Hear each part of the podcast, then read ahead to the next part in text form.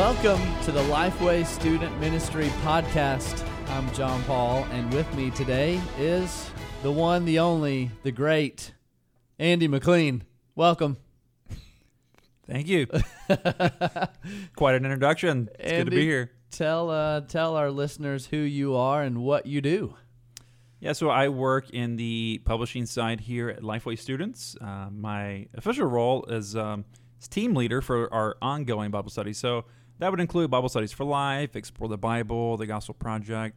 So kind of work alongside those teams. Um, and I also have the privilege of directly editing and sort of crafting the student version of the Gospel Project. So love what I do here.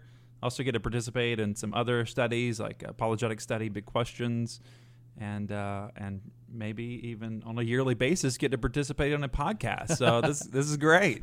This is time of the year. do like to get our Andy fix. It it was about a year ago, I guess, that we that we had Andy on for an apologetics podcast alongside the release of Big Questions, which has been uh, really a hit study for us. It's, it's it's been awesome. We've had a lot of churches walk their students through it and and give us some great feedback on it. So that's been really cool. And um, today we're going to talk about apologetics as well, or Today we're going to talk about apologetics again, uh, but just from a from a little bit different filter of uh, pop culture and how pop culture is building a, a worldview in the lives of our students that we have to actively speak to. I, and I, I don't want to say speak. I started to say speak against, but it's, it's not necessarily the idea of speaking against pop culture and being kind of like the modern day Tertullians. Like you, you can't you can't go engage at all in, in pop culture and be at all a part of the world because we need to be totally separate. I don't think that's the a, a realistic Yeah. uh, view to take, or or really one that would fulfill the Great Commission of, of going and, and making disciples and reaching out into every corner of the world. So uh, I know we kind of framed this up a little bit as we were talking about um, how we wanted to guide this discussion. Andy, give me give me an idea of how you, when you think about this, how you kind of frame up your thought process for approaching apologetics and, and pop culture. Yeah. So, I mean, apologetics, it's such a broad term, right? So, the last time that we were here, we just kind of talked about the study a little bit and apologetics in general. Uh, the fact that, you know, that we perhaps all struggle from time to time with doubts or have questions that we wrestle with. And so, how to address those, kind of the, the general benefits of doing apologetics and defending your faith. Here, it's a little bit more specific, and we want to talk about uh, sort of the different uh, mediums that students are engaged with on a daily basis in pop culture and the culture around them. So when I say mediums, I say I, I mean things like film or TV shows. I mean things like music and even visual art, even architecture itself. And so whatever sort of artistic art form or whatever sort of creation exists in culture, uh, the one thing that I would say is that represents a particular worldview. And so that's kind of what I uh, initially mean by just saying that our students, they're engaged with pop culture all around them on a daily basis, but nevertheless, are they sort of just consuming it without any sort of discrimination whatsoever? Are they just sort of passively uh, getting it? Or are we equipping them to think critically and engage in a Christ-like, Christ-like way with, uh, with those different mediums? Man, and I think as you talk about that, uh, the the question of whether they're consuming that passively, I would say probably a, a lot of students are consuming that culture in a passive manner, in that they're just watching, listening to, paying attention to what captures their interest in any given moment, or what's particularly popular. You know, a lot of student culture, it's like, oh, I'm, I'm going to watch 13 Reasons because everybody else is watching 13 Reasons, not necessarily maybe because I care to watch that show on Right. on that topic. But what is popular, which is fitting for pop Yeah. culture, Yeah. tends to be where where these students go to.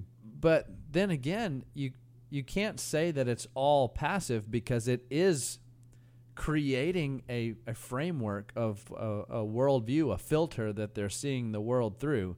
And as they engage with some of these things that they might stumble upon or go to because somebody else recommended, then that can begin a, a, chain reaction of okay okay well i liked that this time and so now i'm going to begin to actively seek out some of those same things. And so it's it, it seems like it's a huge mix of active and passive in the way that students are initially introduced to a lot of this. Would you do you agree with that yeah yeah Disagree? i would totally agree uh, yeah, and, and most people don't I, I would say most people probably go they flip on i mean I would say film, TV. That's probably our, our main example. That's because what we spend hours of consuming that sort of medium yeah. on a weekly basis. And so with, with with Netflix and everything that's out there, I mean, we could just binge watch on some really great and entertaining, aesthetically pleasing, great storytelling uh, narratives. Uh, with, with just the push of a button, with only five dollars a month, and so what? a little commercial there. There you go. What's the last show you binge watched? The last show that I binge watched. We we have actually been um, going back and rewatching some of the Office episodes. my wife and I. So because there's not really anything new that that's out there that's appealing to us. We, we stay pretty up to date. I feel like I can just imagine people listening to the podcast and like cheering when you said The Office. Like, the yeah! Office, yeah, yeah. So, uh, not saying that you need to do that, but uh, I'm not saying that I initially agree with the worldview that's communicated in the. No, I'm just kidding. but but no, I, I agree with the point that you were making. I mean, we we don't. The majority of us go to be entertained, right? We go not to necessarily be theologically informed, not necessarily to be culturally relevant, to be able to speak in to the culture and have a conversation because you know we, we just want to be informed that way. Um, you know, not not to sort of be educated by any sense, but most of us go to be entertained. And, and and that's a problem in of itself because we just sort of want to veg out and have this passive consumption. But it never is really passive in the sense that it does affect us. Uh, it affects us on a cognitive level and the, and the way that we sort of uh, think about things and the way that we view things because as I was saying earlier I mean it, all all of this stuff because it's being created it, it, it comes packaged through a worldview Right. Right. Because everybody has a worldview. Right. Everybody has a, a, view of the way that the world is, the view that the way that the world should be, yeah. uh, trying to answer the problem of the human condition, yeah. what's wrong with the world, how's it going to be made right again. Whether they acknowledge a, a systematic approach to that yeah. or, or yeah, not. right. So whether it's done intentionally or unintentionally. So you can like watch a Woody Allen film. And all right, so that worldview that's communicated through that packaging – is going to be very intentional. Right, so he definitely has this atheistic worldview in which he wants to communicate through his characters and all this stuff, the meaninglessness, the purposelessness of the universe, uh, versus maybe a different uh, uh, producer or director who is not necessarily doing it intentionally, but unintentionally, you're still going to be able to see a bit of the flavor of their worldview. And so, yeah. no matter what they're creating, because we're all creators of something uh, what we create naturally sort of carries some of the the, the flavor, the, the the sort of the the fingerprints of our worldview itself. And so, yeah, so that's so. So, what would you say are the main considerations that a student leader would need to have in approaching this issue with their students? How, how are they going to start the conversation? How do they make their students aware of what's going on, how they're taking in this information, how they're supposed to filter the information, how all of this ties back to uh, to a, a, foundation of the gospel. What, what what do you think student leaders need to know? Yeah, I, I think you're right in the sense that they just need to start having those types of discussions, right? So they they need to to have those discussions and and whether it's done in kind of in a more formal hey, look, we're going to do an eight, 10 week part series on kind of engaging with culture, you know, through these different ways, or whether it's just kind of in a more informal basis. Uh, they, they need to be having these conversations and, and talking about, hey, look, um, man, you can, you can, um, we're, we're, we're not, first of all, helping students kind of get uh, an idea of where they are on the trajectory, yeah. right? So are they, are they sort of at the one end of the spectrum, a cultural glutton, you know, who is consuming culture, uh, who doesn't care uh, about what they're watching. Uh, their theological beliefs uh, have no sort of say in, in what they turn on in front of them on the television or what they watch. Yeah. Um, and so there's just con- two completely different sort of, of realms, right? Um, and so for them, it's just entertainment, it's just aesthetic pleasure. Um, but which is a which is a pretty common mold for students to fo- oh well uh, students and adults alike right? Would yeah, you show up at church and you have this certain set of values that you that you live by while you're at church but it, it seems like for a lot of people as soon as they walk out of the doors of church there's a completely different set of values that they operate by absolutely. Right? Yep. so it's like this, This dichotomy here. Secular sacred divide. yeah Yep, for sure. So And- how do you how do you address that? How do you bring those two worlds together when you're talking about this with students? Well, it you know it, it's hard because I mean when we think about it this way, so we want students to sort of start thinking, um, okay, so we want you to sort of take your theological beliefs, your theological convictions, your your Christian worldview, and we want you to yes be able to enjoy what you're watching. Uh, enjoy it from a storytelling perspective, evaluate it from an artistic perspective. Yes, this is creative. They have great actors. They did a really good job. The visual effects were awesome. You know, just be able to kind of evaluate it on that level, uh, but also in terms of a a messaging level as well. And so take your theological beliefs and be able to critique it, all right, and and and think critically about it uh, engage with it. Say this is what they get right. This is kind of you know where they missed the mark here. Um, but it's hard to do that uh, even after, like if they're not equipped to think about those things beforehand and even during. Let's say that they're watching Avatar or something like that that just came on the other night. Love the movie, right? I love Yeah. it. It is fascinating. Why they have not made a sequel, I do not know. I mean, Disney's coming up with an entire land of Pandora whatever, you know, Avatar. Anyway, it's awesome. So sorry to be giving so many plugs.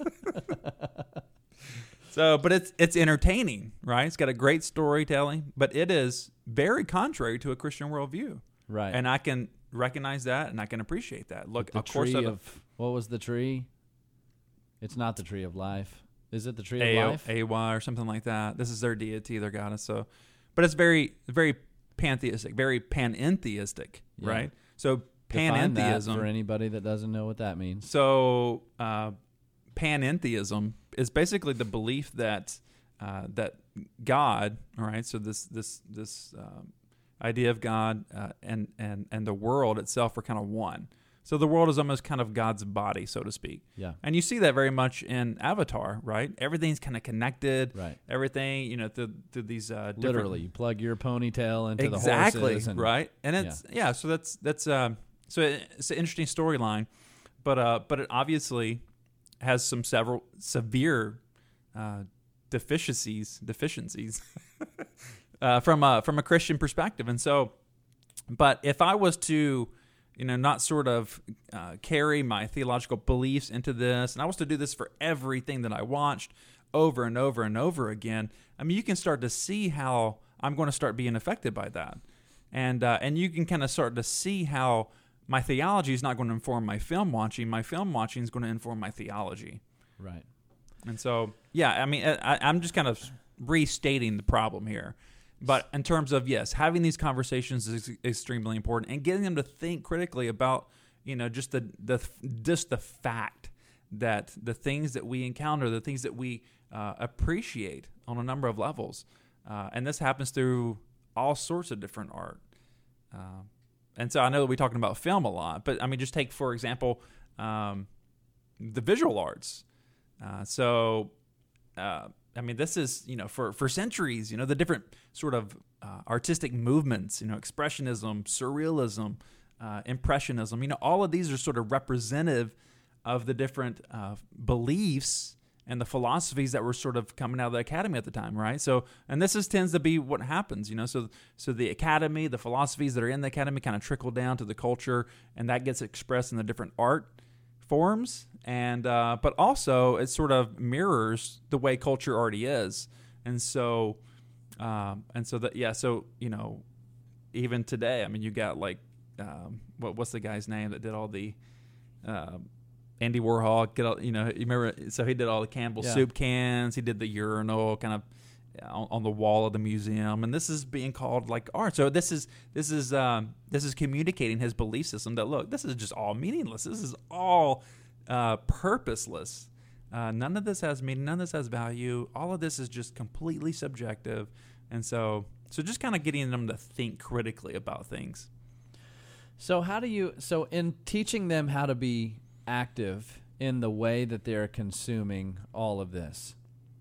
There is a you know one way that I that I think people would would process actively consuming some some of this pop culture, some all, all of these different elements that that we're saying are contributing to their worldview, or maybe even completely for some building their worldview would be to say you you cannot engage in these things and you can engage in these things. And so some of that like i i remember when harry potter first came out and the church was like you know split over can you consume things like harry potter or not Harry Potty mouth. Yeah. What you said?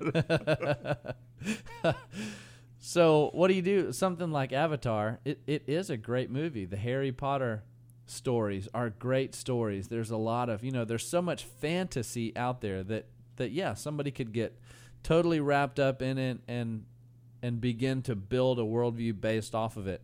But is it is it ultimately of the devil? You know, yeah. to you know to consume that kind of thing or can a christian safely consume those kind of stories and narratives and enjoy somebody's artistic perspective and still keep a healthy christian worldview uh, in mind Yeah, yeah. So, so speaking directly with sort of that genre, I mean, I, I, I tend to think that yeah, I mean, um, genres of that nature, Lord of the Rings, Harry Potter, you know, some of those others. I mean, they, they, they number one, I think they're really valuable in the sense that they communicate just the traditional theme of good versus evil. You Yeah. know, I mean, I mean, you look at, uh, you remember what uh, Sam said to Frodo when he was basically on the verge of like, what's the purpose of this all? This is all meaningless. Why are we even going on? And he was like, well, it's because there's still good in the world worth fighting for. And that's kind of the same theme that you see in a lot of these, uh, you know, and, and, and Harry Potter as well. And so, yeah, and, and, you know, I'm not going to say what criteria that one should use in necessarily evaluating whether or not you should watch it based upon whether it has any sort of uh, magic whatsoever. Um, that that is another conversation maybe worth having though. yeah But uh, but nevertheless, I think that there are certain things that we can appreciate from these, while also at the same time just being critical. So being critical doesn't mean being mean or negative, right? Being critical just means that look, I am turning on my critical faculties. I am uh, not just going to sort of consume this without any thought whatsoever. I'm just going to th- think about it. I'm going to appreciate the good values that it has, and then I'm going to evaluate it according to my Christian worldview. So Yeah. And so much of this, I mean, this leans into music, which is something that we know all of our students are taking in. I think there are some some hard lines that that you can draw, you know, some obvious boundaries, any kind of sexual content, you know, nudity, uh, profanity. I mean, th- there's some real obvious ones. As a student leader, you should be able to communicate to your students, "Hey, there you are not going to benefit anything by seeing this or listening to this you know and there there's some of that Yeah. criteria um the you know letting them dive into a, a fantasy story about some kind of otherworldly kind of a thing i i don't personally have any issue with that it's all it's all it's made up you know this is a story out of somebody's mind and we know we can go go back to authors uh, like C.S. Lewis and Tolkien and see some some authors that have used fantasy to to communicate some deep spiritual truth. Yeah. So this is not I don't think that is where you draw the line, but there are some other places where I think we need to teach students th- this is where you draw a hard line.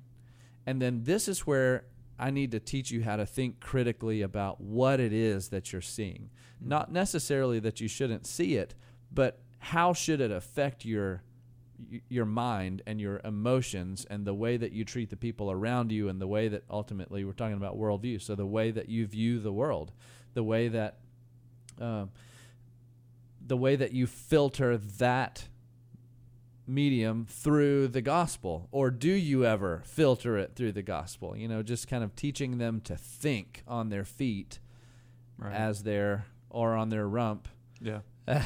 as they're taking all of it in Yeah, yeah, you're right. And, and you know, one of the one of the more recent ones was the the Netflix series Thirteen Reasons. So everybody, you know, was commenting on this several months ago, and you know, this is uh, it it it, it was. Have you have you seen it by the way? i haven't i Okay. haven't watched it So, number one, did you ever see Dead Poet Society years ago? yes Okay, so I did- love did Dead Poet seize Society. one day and watch that movie Okay. So I've I've seen it more than one time growing up.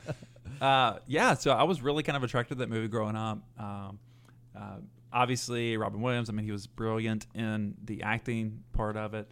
But uh, but there was you know there was just some other other themes. You know, just the whole theme of uh, sort of kind of falling into the crowd. Sort of uh, is is a, a uh, well, individualism is free. In other words, that's what it's trying to communicate. Yeah. individualism is free, but it's a very nihilistic film. Like I didn't pick up on this until years later. In other words, it's it's basically saying, look, there's no there's no purpose beyond the grave, and this is what Professor Keating says. He's like, you know, we are food for worms, lads. yeah And so that's the whole purpose of Carpe Diem, seize the day. All right. So, in other words, there's no meaning in life. All right. Because there's nothing beyond the grave. However, you can sort of kind of create your own meaning. So it's very nihilistic in that sense. right And and so when this whole 13 reasons came out, I, you know, kind of uh, looked into it and it's very much the same theme. Um, a lot of it kind of carries over. Uh, I mean, here here you have this girl in which obviously she's you know she's dealing with with with quite a lot in, in terms of her you know the narrative, the storyline. Um, but nevertheless, she's trying to create some meaning of her own by by um, by ending her life the way that she she chooses to do, and so and th- and then the by leaving the tapes, et cetera. And so there, there's lots of parallels there that, that are kind of interesting. Uh, but but this is another example. Like if you don't approach this uh, sort of series with sort of a critical way of looking at it and evaluating it, then um, then yeah, I mean it could totally um, influence you, and and probably not for the best. Yeah. Well, and just being able to say, at the very least, look, this show paints this girl and her choice to commit suicide as uh, a, a heroic choice. Right. And so, is she a hero or is she not? You know, what was that the only option, or is there a better option? You know, why wasn't why was she in such despair that she would find herself in, in this in this position? You know, yeah, life is really hard, Right. and and life as a believer, you know, that there there's no promise that it gets that it gets easier Yeah. as we walk day to day, but that we have uh, hope now in Christ, and we have a counselor to help guide us and, and lead us through the things that we're going through. But e- even at that point, now we're standing on a hill that, that is contrary to what the rest of the world stands for. And so, yeah. you know, so Christianity doesn't promise a life of ease. And so so how do we how do we filter all of that as believers? What are we supposed to think about that? And that's something student leaders that you have to make a um, a concerted effort to communicate. That it's something that we can leave off the table sometimes, not necessarily because we actively choose not to talk about those things, but maybe because we're not thinking about it. You know, Yeah. Uh, we're not realizing how big of an impact that has on the lives of our students. Um, some of us, I've been in the place before where, man, I'm not going to talk about anything pop culture because I'm just going to 100% dig into the word, and and they can, if they latch on to that, then they can learn how to use that in their lives.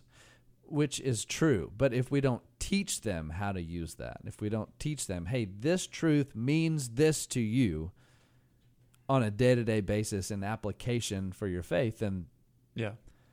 then they're they're just not going to know what to do with Yeah. what all the things that they're learning. Yeah, you got to connect the dots for them, and and it's good to kind of give them that theological foundation. They need that, so they need these theological concepts and categories to kind of work with. They need to to know the biblical narrative of their own worldview. Um, but um, but like you said also earlier, like students just compartmentalize, and so look, I mean, this is their this is their youth group time. This is what they're doing, but th- man, this is their their time to kind of veg out, to go to the movies or do whatever, consume their music. I mean, this is um, they're just not connecting the dots, and they don't know or they're not paying attention to the fact that uh, that that um, you know they sort of need to be engaging with this Yeah. uh, on a critical level, and so so yeah, so that's kind of one thing. Well, Andy, thanks for hanging out with us again. Yeah, my And- pleasure. and Thanks for having me. Look forward to mean- next year. So yeah, Me and uh, producer Nathan sitting in here having a good time with Andy. Uh, Andy, tell everybody how they can get in touch with you if they've got any further questions on this. If they want to reach out to you, what's your what's your Twitter handle? yeah, uh, that's a great question. What is my Twitter handle? Uh, my my Twitter handle is Andy McLean fourteen. Andy McLean, M C L E A N uh, one four. Uh, but you can also just shoot me an email at uh, john dot basham. But uh, but yeah, hook me up on uh, look me up on Twitter. Uh, shoot me an email, andy.mclean at lifeway.com. Feel free to, um, yeah, ask any questions. So Good deal. And if this um, brings up any questions in your mind, feel free to um, head to iTunes and uh, leave us a positive rating and review. And uh, you can give us any kind of suggestion for future topics. You can also reach me uh, or Ben on Twitter uh, at Ben Trueblood, at John Paul Basham, and uh, we'll see you next time. See ya. thanks.